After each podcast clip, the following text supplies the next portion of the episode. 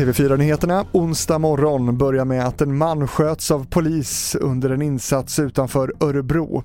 Polisen fick samtal om mannen vid 14-tiden igår och lokaliserade honom till en industribyggnad där man försökte förhandla med honom. Strax efter midnatt lämnade han byggnaden. Mannen skadades lindrigt och var vaken när han fördes till sjukhus. Han har gripits misstänkt för vapenbrott.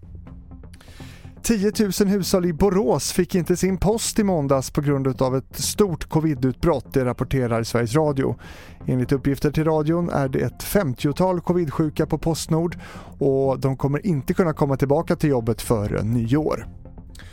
Sist i sändningen om teknikjätten Amazons virtuella assistent Alexa som tipsat en 10-årig flicka att stoppa in en mobilladdare halvvägs i eluttaget och sen nudda de exponerade stiften med ett mynt.